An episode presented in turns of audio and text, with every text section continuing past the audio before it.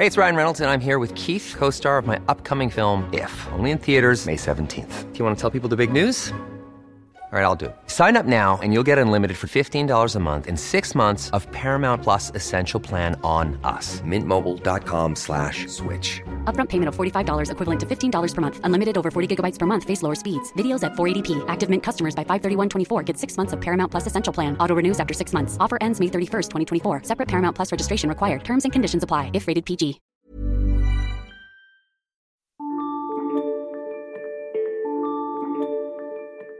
Alt det her, det er bare snak, hvis ikke politikerne er i stand til at walk the talk. Hvis ikke politikerne er i stand til at holde sig i skinnet, når de her skandalesager kommer, så kommer vi aldrig nogensinde af med det byråkrati, som er ude i ældreplejen. Med en ny reform vil regeringen fjerne unødig kontrol i ældreplejen.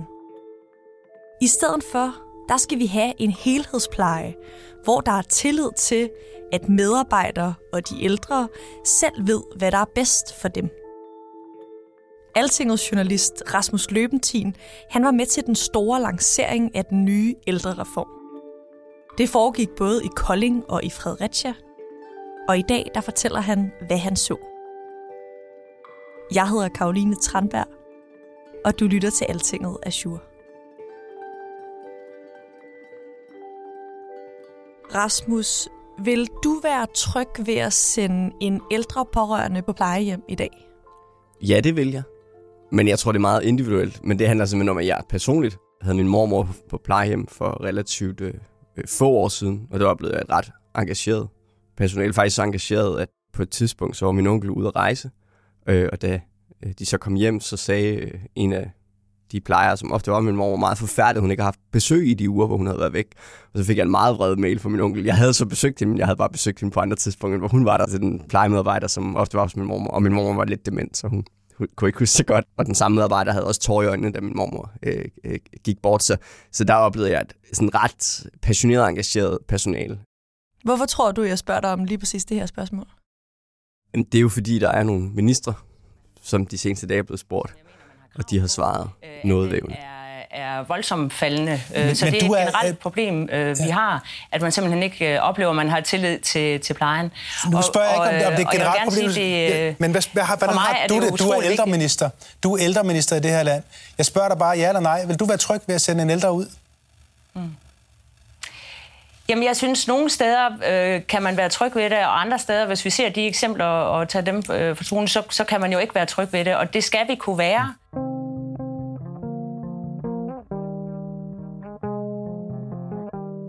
Velkommen til pressemøde her på plejehjemmet Bertram Knudsens have i Kolding. Øh, først og fremmest tak til Regeringen har jo præsenteret en ny ældrereform. Rasmus, hvad er det for nogle problemer, den skal løse?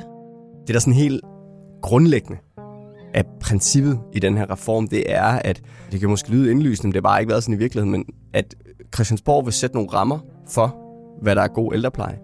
Men hvordan det skal udmyndtes, det vil foregå lokalt på plejehjem i kommuner øh, og, og, og helt ude hos den ældre. Vi rammer ved siden af skiven i forhold til, hvad er det egentlig for nogle ønsker og behov, der er.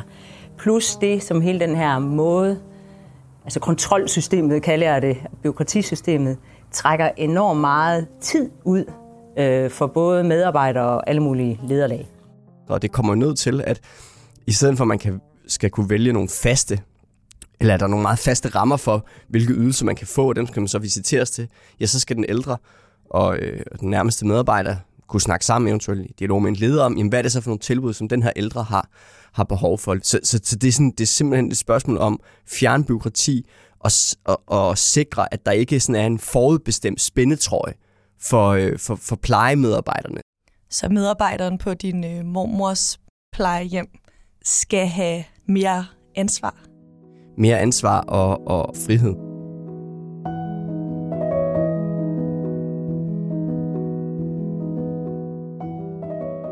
God aften. I dag tager vi fat på et nyt år, hvor det blev lettere end det gamle. Prøv at spole tiden tilbage til Mette Frederiksens nytårstale den 1. januar 2022. Hvad var det, hun sagde der? man kan sige, hun, hun såede frøet til det, som vi ser i de her uger. Fordi hun sagde, uden at blive specielt konkret, vi skal sætte ældreplejen fri. Og ja, det vil betyde, at tingene bliver gjort mere forskelligt. Det vil kræve stærkere ledelse. Konkrete problemer skal løses lokalt, og ikke med endnu mere lovgivning. Så bliver det 1. januar 2024, og her skulle Mette Frederiksen angiveligt endnu en gang have holdt en nytårstale med fokus på de ældre. Men så kom dronning Margrethes abdicering i vejen, så talen den blev skrevet om. Men Rasmus, hvordan har fortællingen om ældrereformen ændret sig? Altså først og fremmest er den jo blevet mere øh, konkret, men jeg synes også, at man tydeligt kan se, at selvom Lars Lykke er udenrigsminister, så har man også fået ham ind i regeringen. Altså, der er noget meget lykkes over det her. Og derfor er jeg utrolig glad for, at vi står her i dag øh, med et sammentænkt bud. Øh, en mulighed for at skabe en ramme for en frisættelse, hvor lederen kan se indad mod sit personale og sine beboere, frem for hele tiden at skulle se sig over skulderen op mod rådhuset, eller op mod Folketinget, eller op mod tilsyn. Det tror jeg, det tror vi kan en hel masse. Det har jo altid været en kongstanke for ham, det her med det frie valg, og det var også noget af det, som han virkelig øh, slog meget på som, som, som sundhedsminister i sin tid. Så jeg synes, det er en fantastisk øh, dag.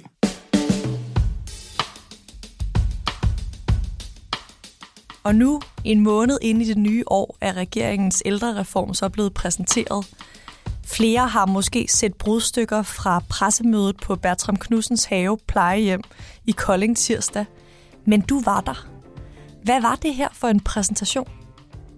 Det var en lidt speciel præsentation, øh, fordi øh, man gik ikke så meget ned i detaljerne, fordi vi sådan set kendte de fleste af detaljerne på forhånd. Altså man havde sådan drøbvis løbende øh, præsenteret øh, nogle forskellige øh, ting. Igennem vores liv, der er vi vant til at bestemme selv som mennesker.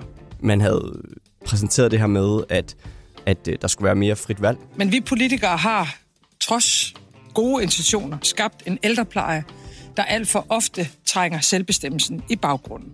Man havde også allerede præsenteret, at man ville øh, skrue meget ned for tilsyn. Vi foreslår også, at tilsynet skal ske samtidig, så de forskellige tilsynsmyndigheder ikke kommer rendende her og forstyrrer jeres vigtige arbejde hele tiden. Fordi tilsyn også er skaber byråkrati. Man har også allerede formuleret, at man vil ændre tilsynene. Og det gør vi jo ikke mindst af hensyn til jer, der arbejder her, så I oplever, at myndighederne kommer en gang om året med fokus på, hvad der kan gøres bedre, i stedet for fokus på kontrol. Så man kan sige, at pressemødet handlede i højere grad om at begrunde, hvorfor vi skal det her. På den måde er det et opgør med den New Public Management og 30 års overstyring af den nære velfærd, vi har set. Hvad var ifølge dig det allermest interessante på pressemødet? Det ene var øh, Lykkes citat om Nullermænd, som jo også er et virkelig klassisk øh, Lykkes-citat. Og derfor bliver prøven på det her selvfølgelig også, når I kommer om et år, eller to, eller tre, og peger på, at her er der en eller anden nullermand, der ligger på et eller andet plejehjem, at vi så har, kan man sige, mod til at sige, det er ikke vores nullermand. Altså, fordi hvis ikke vi har det, så får vi jo ikke skabt den her frisættelse. Og med det mener han, at når der kommer nye skandalesager i pressen, så skal politikerne på Christiansborg fremover være i stand til at sige, det er ikke vores ansvar. Det er der nogen ude i kommunerne, ude på plejehjemmene, der skal håndtere. Vi skal kun sætte rammerne. Øhm, og man kan jo selvfølgelig spørge sig selv, hvorfor er det så vigtigt for regeringen? Det er det jo, fordi at hele grundprincippet i den her ældrereform, det er tillid. Og ældrereformen har tillid i centrum, ikke kontrol. Tillid lokalt. Tillid til, at den ældre, øh, den socio-medarbejderen, plejehjemmet, kommunen, at de er i stand til at træffe de beslutninger, der er den rigtige for det enkelte plejehjem og for den enkelte ældre. For grundlæggende har vi jo tillid til, at de ældre kender deres behov, og vi har tillid til, at medarbejderne de har og kan bruge deres dygtige faglige dømmekraft. Og noget, de også vil gøre, som det er, at de vil fjerne en række dokumentationskrav.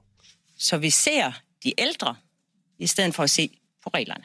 Og det betyder jo så også, at, at det bliver lidt sværere at få indsigt i, hvis der går noget galt. Men analysen er jo, at øh, det er nødvendigt, hvis ikke vi skal være i den situation, som vi er i dag, hvor mange socialassistenter bruger meget tid ved skærme og andre ting øh, for at dokumentere frem for at være sammen med de ældre.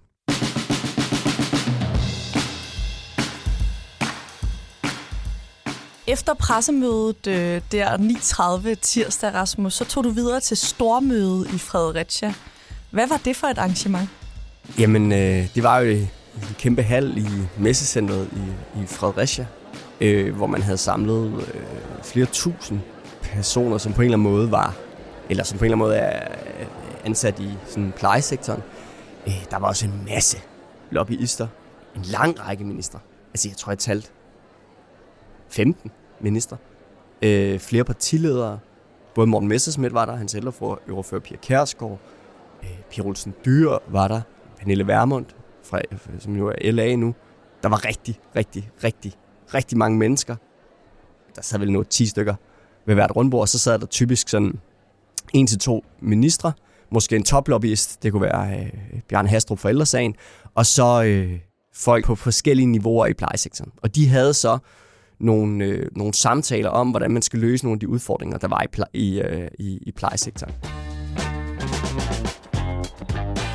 Det var svært fascinerende at se, hvordan de her toppolitikere agerede. Lars Lykke, han var øh, i sit S, han var sådan afslappet og humoristisk og vittig.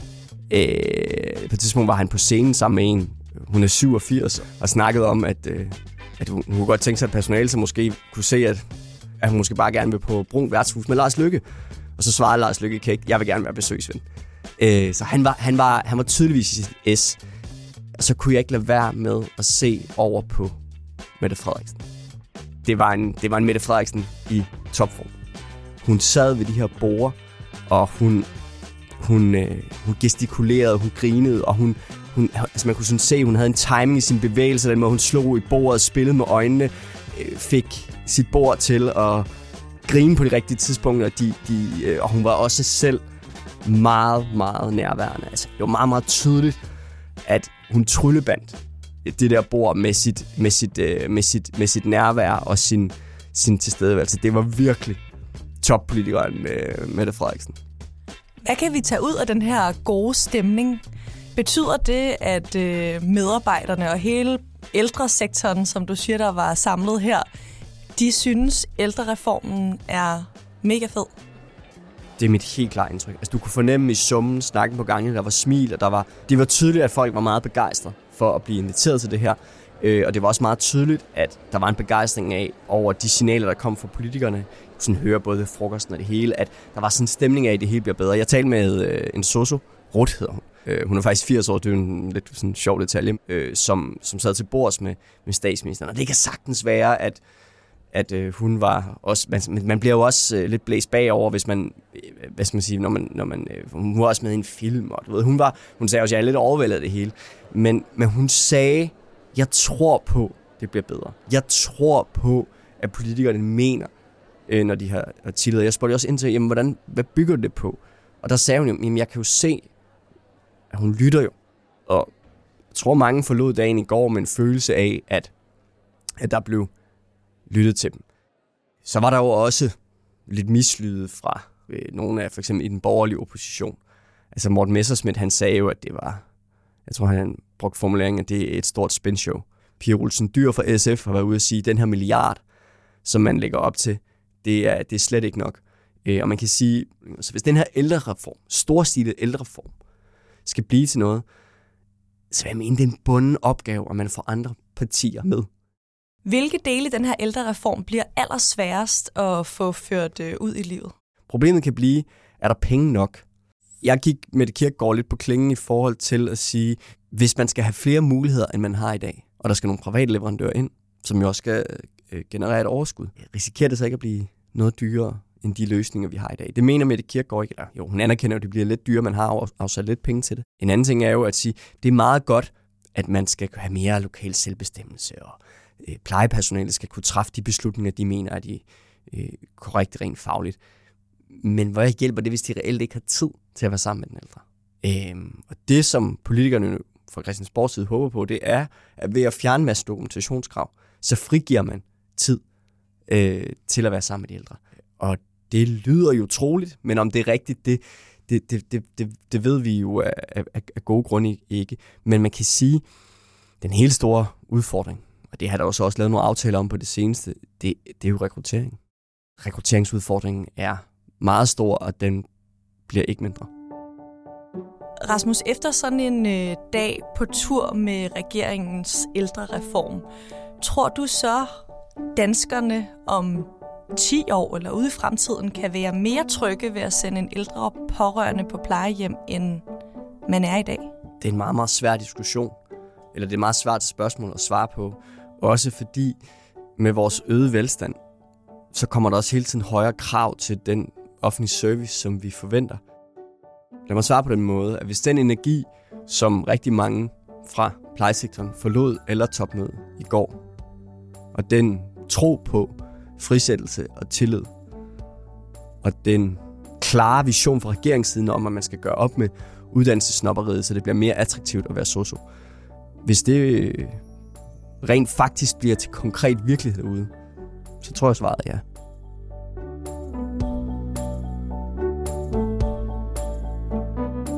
Det var alt, hvad vi havde til dig i Azure i dag. Clara Vestergaard og jeg stod bag dagens podcast, og vi spillede klip fra TV2. Jeg hedder Karoline Tranberg, og vi lyttes ved.